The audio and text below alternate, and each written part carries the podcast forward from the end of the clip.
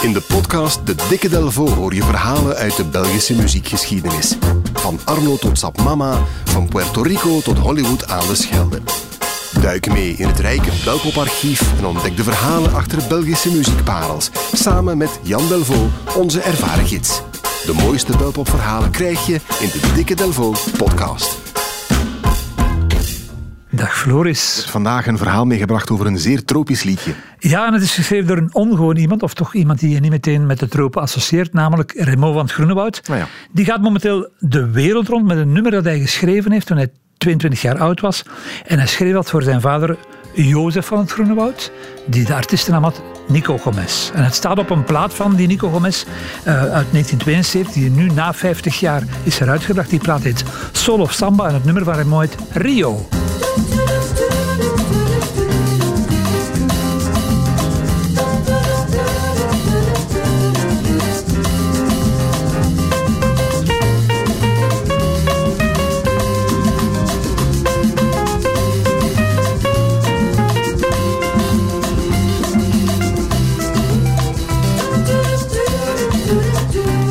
Van Nico Gomez. Of Nico Gomez, zo je wilt. Het is gewoon iemand uit de lage landen. Hè. Jozef van het Groenewoud. Ja, papa, papa van Raymond dus. En papa van het Groenewoud is uh, een Nederlander die na de Tweede Wereldoorlog uit zijn geboorteland vlucht. Waarom doet hij dat? Om niet te moeten dienen in het Nederlands leger in Indonesië. Toen ja. moesten heel veel van jongelui daar naartoe. En hij gaat als uh, muzikant aan de slag onder de naam Nico Gomez. Waarom? Latijns-Amerikaanse muziek was in de jaren 60 bij ons in de mode. Hè. Onze ouders en grootouders hebben nog gedanst op de, wat was dat, de mambo en de cha-cha-cha.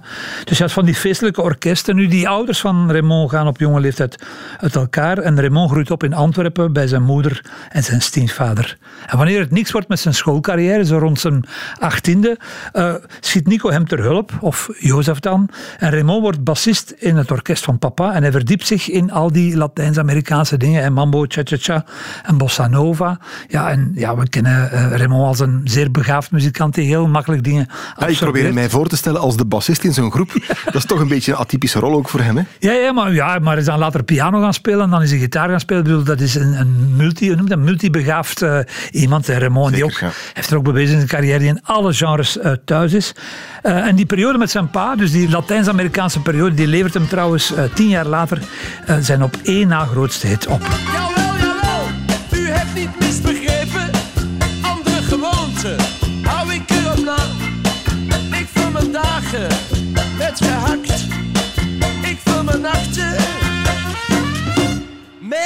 met de cha-cha-cha. Cha-cha-cha van Raymond van het Groenewoud. Ik heb dat trouwens ooit op Top Op gezien, waar denk ik Nico Gomez ook meespeelt in, uh, in Raymond zijn groepje. Ja, ondertussen wijlen Nico Gomez, maar die speelt daar inderdaad uh, ook mee. De vader en zoon uh, samen in, in, allebei in een glansrol eigenlijk. Nu, die periode met, die korte periode trouwens bij zijn pa is heel belangrijk geweest voor Raymond, want hij beschrijft het als een heel goede leerschool. Hij heeft er niet alleen leren muziek spelen, maar hij heeft er ook leren arrangeren. En arrangeren is het muzikaal aankleden van, van liedjes eigenlijk. Ja, zijn vader was een orkestleider, die kende dat Hè? Voilà, het dat. Ja, en hij mag af en toe ook nummers uh, uh, aanbieden, hè, aanbrengen. En er zijn twee nummers van zijn hand die uiteindelijk ook op een plaat terechtkomen van Nico Gomez. En toeval of niet, het zijn allebei nummers die doorheen de jaren internationale weerklank hebben gekregen. Dit is het eerste nummer.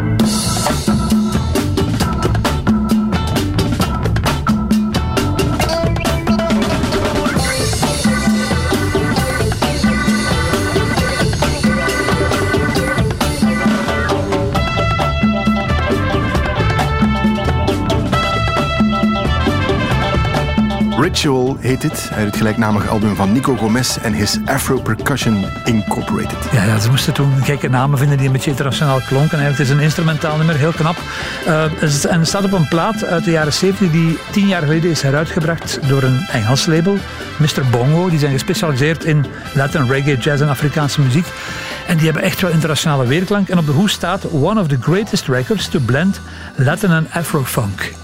Dus Mooi, door een, ja. een, een 22-jarige bleekscheet uit, die op dat moment uh, in, in België woonde. Er wordt zelfs gezegd dat, dat dit nummer uh, Santana, Carlos Santana, nog zou beïnvloed hebben. Dat zou wel heel chic zijn. maar dat kan ik niet hard maken eigenlijk. Uh, Raymond staat op die plaat niet genoteerd als Raymond van het Groene, maar als R. Lolandson. Ja. Dat is heel vreemd. Uh, te lezen eigenlijk dus als Lolandson. Hè. In IJsland doet men het ook, de Son of Lowland. En Peter Lowland was een van de pseudoniemen van Nico Gomez. Dus hij maakte niet alleen num- nummers onder de naam Nico Gomez, maar onder andere namen ook. En een van die namen was Peter Lowland. Dus Raymond noemt zichzelf R. Dus Raymond Lowlandson, de zoon van Lowland, Jozef van Groenewoud. Ja, Ben je nog mee? Ja, Ik heb het, eh, ik heb het Ja, genoteerd. ik ga het nog eens nalezen straks. Voilà. Hij heeft nog een ander nummer gemaakt onder de naam R. Lowlandson. Dat heet Rio. En dat krijgt nu dus een tweede leven op een plaat die op dit moment wordt heruitgebracht. Ook door datzelfde label eh, Mr. eh, Bongo. Het is eigenlijk een, een zoveelste leven, want... Dat is wel heel grappig. Doorheen de jaren is dat altijd een favoriet geweest onder DJ's, Rio. Dat wordt eigenlijk, over de hele wereld wordt dat eh, gedraaid. Men vindt dat een geweldig Braziliaans nummer. In de jaren 90 was het populair tijdens de hoogdag van acid jazz, weet je dat nog? Met Ja, ja, Young ja. Disciples en Zeker, Galliano en zo. En enkele jaren geleden stond het te blinken op Glücklich Draai. Glücklich Draai was een verzamelalbum met... eh, Een Duits kan ik aannemen. ja, ja, ja, ja maar, maar, maar wel een, een, een door Compost een heel straf label eh, en met internationale erkenning. En op de hoes staat eigenlijk dat het allemaal eh, dat het Brazilian flavor eh, bevatte, from the past and the present. Dus met allemaal Braziliaanse klassiekers. En daartussen dus weer die jonge gast eh, van, van bij Ja, ons die jonge bleekscheet van bij ons. Dat bewijst dus ja, het, het, het immense talent eigenlijk van Raymond. Zit hij in Brazilië of zit hij eh, eh, ergens eh, in, in de Pampas? Hij zal altijd wel met iets heel naar boven komen of tevoorschijn komen wat dan internationale eh, renommee krijgt eigenlijk. Hè.